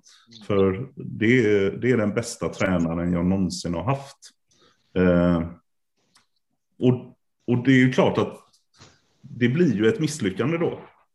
All, alla, all, alla typer av skilsmässor är ju ett misslyckande. Eh, oavsett om det är på jobbet eller hemma eller någonstans. För du är dedikerad, du måste vara dedikerad i ett förhållande. Och så är det med tränare också. Men i alla förhållanden så kommer man också till en punkt där man upplever att vi tillsammans inte kommer kunna ta det här förhållandet längre då. Och, och, och där, där hamnade ju vi med Poja eh, till slut. Och det var inte så att eh, vi förlorade ju ingenting, men vi vann ju ingenting heller. Och då blev det ju ett läge där man var tvungen att fatta ett beslut, helt enkelt. Mm. Tror vi att vi har större chans att klara oss kvar i allsvenskan med Poja eller utan Poja? Och då blev svaret utan Poja. Mm. Så. Nej, men, och det som jag vill reflektera över, det kravbilden som har ökat så mycket är inte för alla, men just det att det är Roland Nilsson. Där är tålamodet kortare med den typen av tränare, för hans uppgift är ju resultat, resultat, resultat. Då blir det tuffare tongångar där vi är nu kontra ett år tillbaka. Vad, vad vi ska åstadkomma på matcherna. Det ser man ju efter Örebro. Det var ju, det var ju otroligt eh, det var bra liv i sociala medier efter 0-0 borta mot Örebro. Det livet hade vi inte haft förra året 0-0 borta mot Örebro. Det är en premiär. Ja, men vi hade nog haft det i år. Ja. Jo, men det hade vi nog haft. Jo, med det här materialet. Ja, men så är det. Då hade ju det hade vi haft, men jag tar bara hösten också. Jag tycker att kravbilden har ju spetsat lite extra och det är lite grann att man jämför personerna Poja och Rolle Ja, ja, ja. och inte fokuserar på klubben. Jag tycker att det är bra med kravbil. Jag tycker det är kanon. Men jag tror vi behöver klippa den här bandet nu att prata om tränare utan fokusera på nuet. Ja, fan, han ska Poja lycka till med U21 liksom. Absolut. Låta, låta honom göra det bra där. Jag tror, ja, det blir ju, det blir ju, det blir ju, det blir vad det blir. Um, det måste ju få bli ett avslutat kapitel någon gång liksom. Så är det ju. Ja, han har ju en ny arbetsgivare. Han har gått vidare i livet och det har vi gjort också. Är det en sak tränare har gemensamt eh, inom fotbollsvärlden, det är att de får sparken förr eller senare. Ja. Jävla press att jobba under alltså. Ja, men man vet ju om att man får sparken till slut. Ja, det är otroligt. Ja, det är ett sjukt yrke alltså. Ja, det... Fråga Mourinho vad han tjänat. 1,1 miljarder på att få sparken. Ja, det är en affärsidé. Hur mycket fick han från Tottenham nu? Var det 200 va? Det fick han ju tusan också. Jag tror, var det 250 han fick från United när han eh, fick foten där? Ja. Han har ju inte varit längre än tre år i någon klubb. Nej, han kommer hamna i Italien. Han är fortfarande stor där. Ja. Det är de, de gillar historia där. Jag gjorde inte Han hamnade där. Ja. Han är klar i England. Mm. Ja. Vad skulle du säga Christian? Ja, men det är ju någonting med den här sociala medietiden också där vi är så jäkla snabba på att bygga upp våra små husgudar och sen svära dem evig trohet på något sätt. Alltså den här eh, cirkusen runt Bojas person liksom med eh, belackare och eh, fanatiska supporters hade ju liksom inte dykt upp för tio år sedan. Liksom. Utan det, är, det är ju först nu som en sån perfekt storm kan byggas upp. Liksom. Ja, och det ska väl eh, undertecknad också ha en släng av sleven. Alltså att, att det blev ju personfokuserat även åt andra hållet när man tyckte att äh, ja, men nu, nu, nu är det nog liksom. Nu, nu måste, det, nu måste ja. de byta. Och så var man så här, då var man helt plötsligt då var det helt plötsligt personen Poja man kritiserade snarare än, än spelet, liksom, att man ville se en förändring. Och det var ju också fel och, och någonting som man måste rannsaka sig själv över. Kanske eh, att man liksom gick alldeles för hårt åt där i, i, i snacket. Liksom. Ja, men så är det definitivt. Jag, alltså jag, jag är ju inte en sån eh, avhållsam person till sociala medier som Max, att jag bara kan stå vid sidan av karusellen och skratta medan den snurrar. Eh, utan jag bidrar ju i viss grad i alla fall till att den snurrar på och det gjorde jag ju nu med. Så där eh, kan man fundera lite grann. Ja. Det blir ju, det blir ju någonstans, alltså det är ju vad det är med sociala medier. Man kan ju säga så här, nej men det hade inte hänt för tio år sedan. Nej, för att det inte fanns. Eh, nu ja, fick det eh, och då måste man ju förhålla sig till det. Mm. Sen eh, kan man ju tycka vad man vill om det. Jag, jag är ju inte ett Alltså jag ser ju ett, en affärsmässig nytta utav det. Eh, men sen så har jag ju inte liksom lagt ner. Jag är ju en av de som aldrig haft ett Facebook-konto liksom. Aldrig på riktigt. Eh, för för det, blir, det blir sådana isolerade öar. Där de som, om vi fem som snackar här, eller vi fyra som snackar här, tycker samma sak, då blir vi en ö. Ja, ja. Och sen så bildas det de öarna och sen så triggar någon igång något begrepp. Eh, pojafotboll, ja, men utan att någon vet vad fan pojafotboll är egentligen. Och så spinner man i det och så är det någon annan. Alltså, så jag menar, det blir så oproportionerligt. Eh, men man måste förstå att det finns. Och återigen då, jag, jag håller nog med er alla liksom i era resonemang där. Det är varken bra eller dåligt, utan det är ju vad det är. Men eh, gör, jag tror att Antonio, du sa ju det liksom att istället för att fokusera på personen eller på tränaren så måste man fokusera på klubben. Det är ju i grund och botten så är ju klubben större än allt det andra, eh, än alla små öar och måste orka vara större än alla öar som finns, inklusive gammelmedia. Så att om klubben hade trott att Poja var rätt även framåt så hade klubben behållit Poja. Så enkelt är det. Jag tänkte, och du med ditt hemliga Twitterkonto, du, Voice of Reason, hände det att du twittrade ut det där någon gång kanske att eh, hör ni, det är klubbens bästa det här så att tonläget lugnades ner lite grann där? Nej, eh, det, det, det, gjorde jag inte. Jag fick Nej. med att hålla min, eh, min flickvän ifrån att eh, twittra för det jag menar san, sanningshalten, alltså det, det, finns ju väldigt många som vet. Så här är det. Det, det Många experter ute. Ja, väldigt mycket som skrivs i bestämd form kan man säga. Uh, och uh, den, den har si så mycket, den har sagt detta eller den gör det och så sitter man mitt i skiten själv och säger vad fan, nej, så är det inte. Så det är ingen, till slut blir det ju ingen idé Eh, jag menar om jag skulle startat ett Twitterkonto som kallades för klubbdirektören. Jag hade ju fan inte gjort annat än twittra hela tiden. Va? Eh, om ingenting. I princip. Så att eh, jag, jag, tror att eh, Eh, klubbar som IFK Göteborg som har det här intresset som ska vara tacksamma för att det finns det här intresset. Behöver bara lära sig att leva med eh, liksom vilka vägar det tar. Men man måste vara stark i sin egen övertygelse och liksom gå den vägen man bedömer är bäst för IFK Göteborg. Ja. Nu blir det tvära kast här och jag lämnar med varm hand över till Antonio för nu är det clean court och det begriper. Ja, alltså det, det, var ju en punkt på agendan här, men det var ju faktiskt en punkt som har fullt med ett tag inom IFK Göteborg. Max, det har ju det har ju varit en topic under din tid. Det var ju även, eh, det går ju många år tillbaka. Det var ju en fråga som det var ganska tyst om.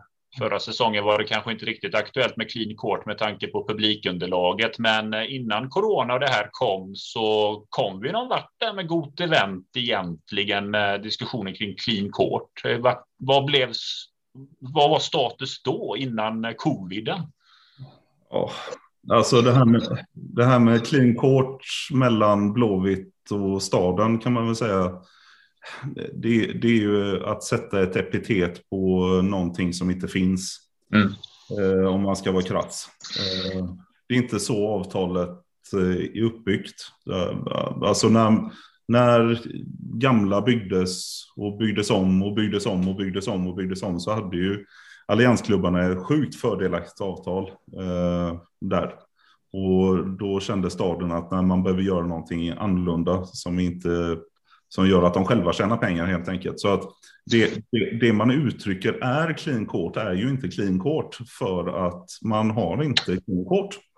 Eh, helt enkelt. Man, man, har inte tillgång till alla loger, man har inte tillgång till alla banden, man, det är Rasta som driver restaurangen etc. etc, etc va? Eh, så i grund och botten så är det ett vanligt hyresavtal helt enkelt. Som jag menar, vem som helst utav er kan ju hyra Ullevi också och skriva ett avtal med Gotvent. Så frågan är ju egentligen, den är ju plain dead. Det finns ju liksom ingenting och det verkar inte kunna gå att diskutera att ta den typen av, vad kan man säga, förhandling i hyresavtalet. Men jag menar,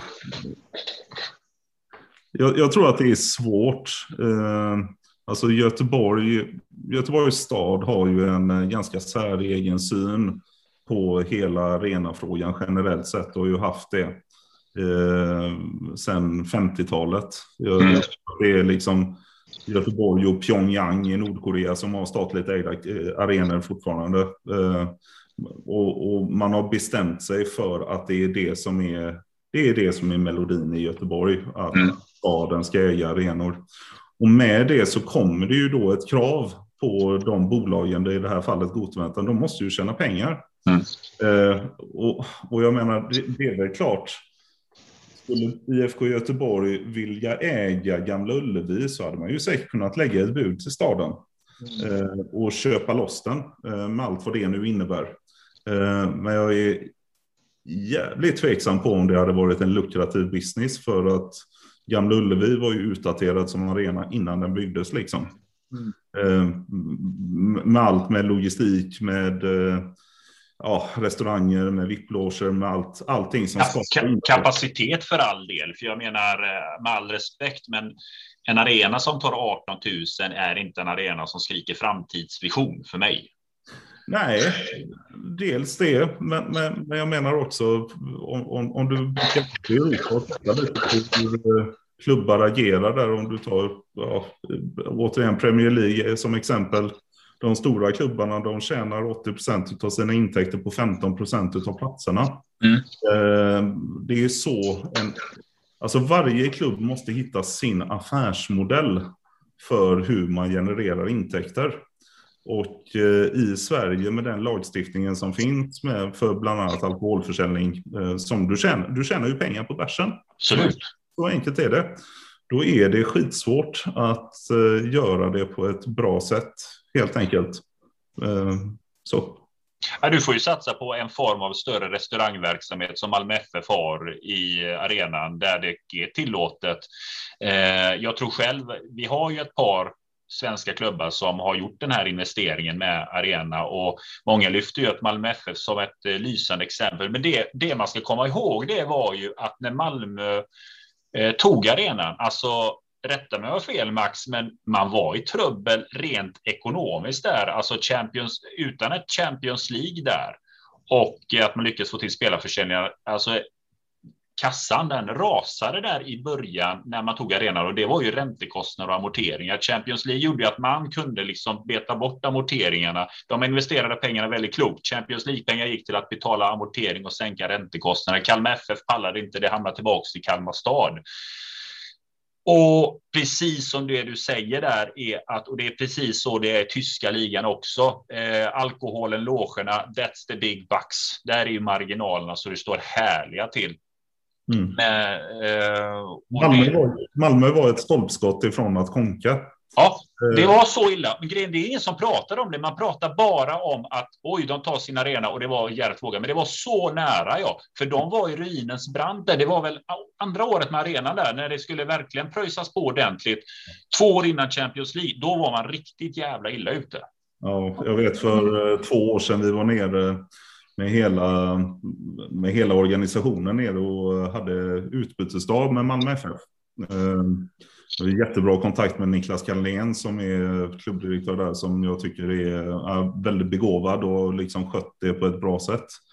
Och när vi satt och pratade och liksom jämförde så vi hade extremt mycket gemensamt i hur liksom vi såg på liksom struktur och bygga organisation och då berättade han just det, att eh, på den tiden när de fattade det beslutet att gå in och äga arenan, det var ett stolpskott som eh, skilde dem från den framgången de har idag till eh, ja, total katastrof verkligen.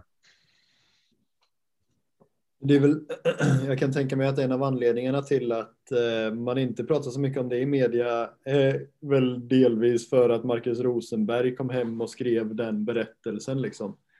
Det blev ju ganska roligt att haka på Malmö med, med, med allt vad det innebar. Så man glömde eh, bara farten av att hur nära på gått käpprätt åt skogen liksom. Ja, men, men så funkar det ju överallt. Det är ju alltid segrarna som skriver historien. Va? Mm. Och, och det, det, måste man ändå, man kan tycka vad man vill om Malmö, men de, de har gjort det klokt. De har gjort det bra och satsat på bra saker. Får jag fråga Max, eh, just den här, eh, din tid i klubben, eh, blev det någon gång att ni satt och ändå gjorde en grundkalkyl i att amen, vi bygger eget, arenan tar 22 000. Hur skulle det se ut och vad är förutsättningarna för att det skulle funka rent ekonomiskt? Gjordes det någon form av grovskiss i ett sådant arbete? Man ska ju komma ihåg att jag kommer ju från ett jobb där jag var sju år som evenemangschef i Göteborg och varit med i x antal arenautredningar, eh, både för Skandinavium, Ullevi och gamla och nya och stora och lilla och allt vad det nu heter. Eh, och med den kunskapen som jag hade då, eh, då så vet jag ju med mig att det, det är rätt svårt eh, att få till en sådan pjäs. Eh, det hade varit enklare om vi hade velat bygga en arena i Kungsbacka, men bara liksom markkostnaden där Ulleviarna står idag, det är ju primeläge för staden och staden äger marken. Ehm, så det, att bygga en arena är jävligt komplext. Däremot så hade vi ju, och det står ju i affärsplanen fortfarande, att man har ju ett visionsmål mm. att på lång sikt äga och, och, eller åtminstone driva en egen arena. Och med det så menar man egentligen så här att det inte nödvändigtvis så att IFK Göteborg behöver slanta upp alla de här hundratals miljonerna som krävs för att få grejerna på plats. Det kan man göra i samarbete med, eh, med företag. Just sen så kan man drifta arenan för det, det är ju i driften som utmaningen ligger för ett byggbolag. Byggbolag sätter ju grejerna på plats. Ett driftsbolag ser ju till att du får ekonomi i det. Men då måste det vara en arena som du kan utnyttja mer än 15 gånger per år. Eh, mm. Att, att, bygga en fotbollsarena enkom för fotboll eh, i Sverige idag, det tror jag är, ja, det är en svår business. Mm. Det krävs Europaspel, det krävs en starkare kassa, det krävs att det är på något sätt ett evenemangsarena av något slag som man kan använda till annat. Ja, så är det. Vad skulle du säga Christian? Nej, men jag tänker så som det ser ut i stan just nu med att det rivs och byggs och det öppnas upp nya ytor som inte har funnits innan och, och eh, stan förändras väldigt mycket. Ja, utan någon som helst insikt eller kunskap här så har jag liksom nej tänkt att nu finns det möjlighet att bygga en ny arena i någon av de här luckorna som öppnas upp på Gullbergs vass eller vad som eller någon annanstans. Eh, och riva någon av Ulleviarna och använda den marken till någonting annat för stan och så bygga upp en ny arena. Eh, är det, eh, har det varit ett naivt drömscenario bara? Nej, men jag tror, jag tror att du är helt rätt på det. Eh, är det någon gång eh, där, där man ska liksom eh, blandas in i leken så är det ju faktiskt nu. Jag tror ju inte att gamla Ullevi, man kan tycka vi diskuterade stora eller lilla eller gamla mm. eller nya tidigare här. Jag tror inte att den arenan har någon framtid eh, överhuvudtaget faktiskt. Den, eh, den ligger helt fel. Fan, när jag var på Göteborg Company så hade vi en Leonard Cohen-konsert med 5000 sittande där tavlorna rasade på andra sidan ån på grund av vibrationerna. Va? Mm. Alltså den, den, det, det, är ett sånt jävla fiasko eh, byggtekniskt på så många sätt. Va? Eh, så hade jag varit staden, hade jag fått bestämma så hade jag rivit så hade jag sålt den marken för då hade man kunnat casha ut rätt mycket. Eh, och sen så hade jag verkligen funderat vad jag skulle hitta på med Stora Ullevi. Eh, på det viset. Men som du säger ute i Gullbergsvass så äger staden en massa mark. Eh, problematiken i den eh, i den byggprocessen som man befinner sig i. Så om du åker ner till älvrummet och tittar på de här fina bilderna hur staden kommer att utvecklas så vet du att inte våra barn utan våra barnbarns barn kommer att få uppleva när de första hyresgästerna eh, flyttar in i Gullbergsvass. Eh, det är sådana jävla ledtider helt enkelt. Eh, men det spelar ingen roll. Blåvitt har ju funnits över hundra år och kommer finnas i över hundra år till. Så what the fuck, kör bara, säger jag. Måndag, Degerfors, återigen hemmamatch. Hur går det där? Max?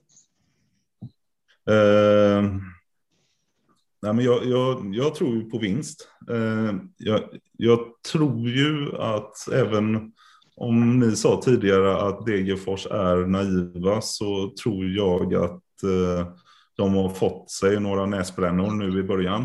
Eh, jag tror inte de kommer vara fullt så naiva på måndag. Eh, jag tror att fortfarande så saknar Blåvitt lite fart i sitt anfallsspel, så jag tror inte att det kommer vara en klang och jubelföreställning med 4-0. Men jag tippar en stabil 2-0. Ja, härligt. Christian? Uh, jag är orolig faktiskt. Oh. Uh, jag, jag, är nog lite, jag är nog lite deppig faktiskt. Jag tror nog på något sånt målsnålt 1-1 kryss. Och en uh, frustrerad historia. Ja, då kommer ju Twitter gå fullständigt bananas då. Ja, jo, det, så är det. Det var bättre förra året. Ja, Tillbaka med poja. ja, kan de byta plats igen?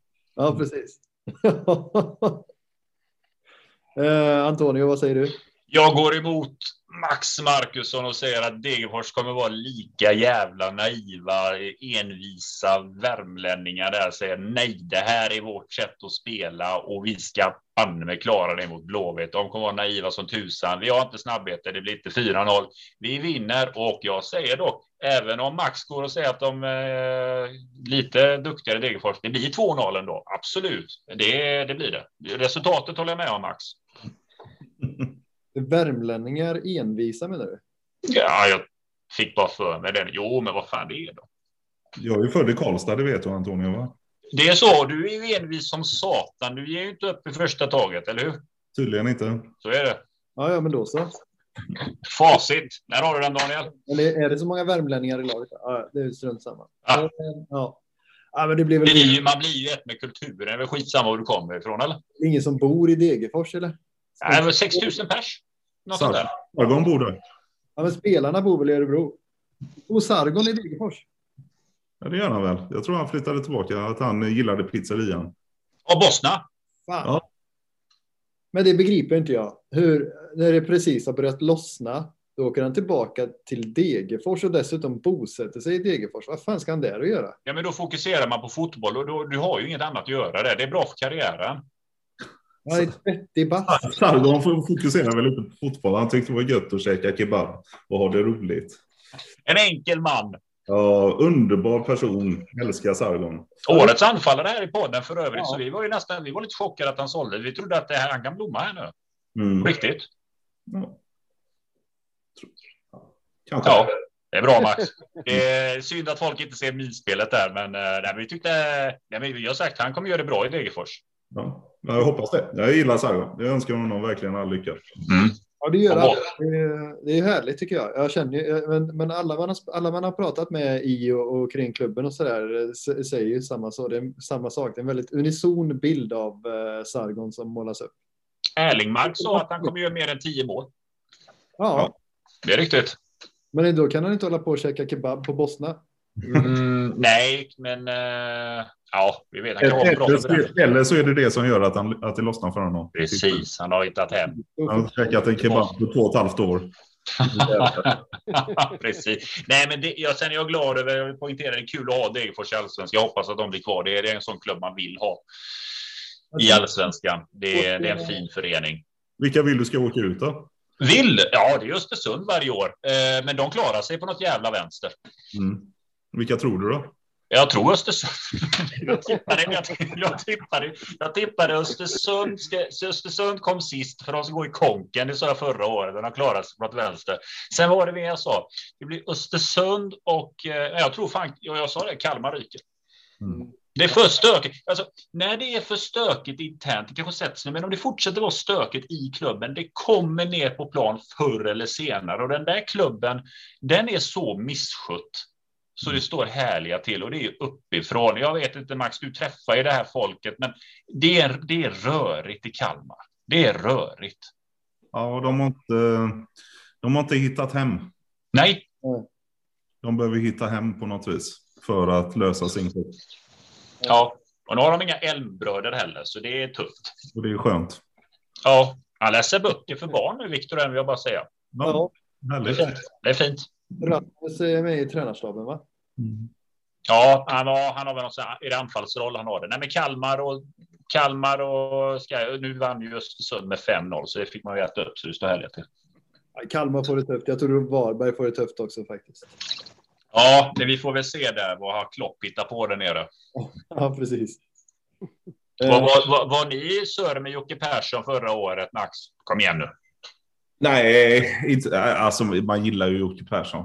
Jag, jag, jag, jag tycker han har gjort det helt otroligt i Varberg, liksom och är en sån. Ja, men en, han och Tern, han och Jonas Tern då. Ja. Det, det, är ju, det är ju två original, fotbollsoriginal. De skiter ju fullständigt i vad folk tycker och tänker. Eh, de kör sin grej, men, men eh, Persson, han har ju en extrem närhet till sina spelare. Det är alla, alla som är i Varberg älskar ju Jocke Persson liksom. Han utvecklar ju spelare onekligen väldigt bra med, får man ju ge honom. Det är... och vad hade de för trupp förra året? Det var 31, 32 spelare. Mm. Eh, så här, och, och folk ville vara där. Mm. Givet av Jocke Persson. Liksom. Så, eh, jag, jag hoppas verkligen eh, Jocke löser det. Det, det hade jag unnat dem. Det är inte så långt från Åsa heller, så det är roligt. Du då, vilka ska åka ut när du ändå skulle gå på mig här? Nu får du svara. Uh, men jag, jag, jag har ju ingenting till övers för Östersund heller. Det, det, det var helt ofattbart att de överhuvudtaget fick spela allsvenskan förra året. Ja, cyprioterna där har du löst biffen. Ja, men liksom, hur fan kan man skriva upp en spelartrupp med 50-60 miljoner? Som, ja, men det, är så, det är så mycket som bara är så fel. Eh, sen inget ont om killarna liksom. Det är ju... Spelarna är annat. Är, vi pratar ju om de som sitter på högre positioner. Det är ju ja. korruption. Ja, nej, men det, det är så, jag, jag, tror att de gör vad de kan för att ordna upp det. Men mm. eh, ibland, ja, jag har dragit den parallellen några gånger, men ibland när du köper ett hus och märker att det är ruttet inifrån så hjälper det inte hur mycket du spacklar. Va? Ja, riktigt. Du måste kanske riva och börja från grunden. Mm. Och det, Östersund är ett sådant eh, case. Ja. Helt enkelt. Sen tror jag, ja, jag tror eh, Persson löser det. Jag tror Mjällby får det tufft faktiskt. Ja, just det. Jag tror verkligen Mjällby. Affe gick ju dit eh, och kör assisterande och man vill ju att det ska gå bra för Affe. Det är ju världens bästa person liksom, men jag tror att de får det tufft som fan verkligen. Mm. Det känns ju som att det var en jävligt märklig eh, avpolitering av eh, Marcus Lantz. Eh, Jädler har väl inga jättemeriter som huvudtränare egentligen. Nej, han har inte det. Han, han, han lyckas inte nå målet där. Nej. Mm. Ja, ja, Tror... Och sen är det, alltså jag vet inte, men jag blir ju lite så här taggarna utåt. Det ska, han har extremt possession fotboll. Ja, jo, men vad fan, du har ju inte materialet för det. Det är det här igen, alltså spela efter ditt material. Och det är ju sån här statistiknörd. Ja, men vi har det här och de här siffrorna. Men alltså, ja, men du vann ändå inte. Du behöver, du behöver inte vinna när du är i Mjällby. Du behöver bara inte åka ur. Vad sa du nu, Max? Du behöver inte vinna när du är i Mjällby. Du behöver bara inte åka ur. Vad är det? Inte spela possession i Sölvesborg. Det hör man ju på, på namnet. Låter som Paradise Hotel. Har vi några avgångskrav innan vi, eh, innan vi uh, Ja, ingen roll. Ja, men avgångskrav finns väl alltid. Max, du borde ju tycka att någon borde avgå det. vad, har, vad har man för spektra att välja mellan? Ja, I den här podden är den jävligt bred. Ja, men håller du dig inom fotboll är det pluspoäng. Ja, tydligen. Nej, men Florentino Perez borde väl avgå kanske. Ja. Eh, det, hela den här Super League eh, grejen. Jag vet när vi snackade om det hemma, jag var helt, alltså det har ju varit så mycket diskussion mellan de stora klubbarna och Uefa kring hur man fördelar intäkterna. Jag var hundra procent säker på att Florentino Perez gjorde en Peter Bromsman eh, och bara gjorde ett mediautspel för att liksom komma någonstans i en process. Så helt plötsligt hade han ju lurat med sig ett gäng stackare som eh, helt ofattbart att de överhuvudtaget trodde att det på något sätt skulle gå vägen. Men alltså hur, hur, men alltså, hur dum är man egentligen? För grejen är, alltså, jag har tänkt mycket på det här. Alltså, de hade kunnat sålt in det här på ett annat sätt egentligen. Menar, om vi vänder på det, tänk nu till exempel att de hade gått ut och sagt ja, vi har lyssnat på fansen, för det är det Peres säger. Vi lyssnar ju på fansen och vi ser ju bara dollartecken i hans ögon. Om de hade presenterat bara, ja, jag är helt emot det, men hade de fått lite support så kunde de varit lite smarta och gått ut och presenterat den här ligan som att det här är en liga där vi inte har VAR. Det här är en liga som är byggt efter rättigheter. Man kunde då hade de varit lite smarta säljare där så kunde de ha paketerat den här ligan på ett sätt som hade fått folk att tycka jaha, det hade ändå fått någon som varit åh, en liga utan vara, men det kan ju vara någonting. Men istället så går de omkring och pratar om att vi är de stora, det är vi som får marknaden att gå runt. Det är liksom vi som är de stora, så vi ska ha vår egna liga. Men en sån som Perez, ja, det här är alltså samma gubbe. Han tillträdde väl Real Madrid år 2000 om inte jag minns helt fel.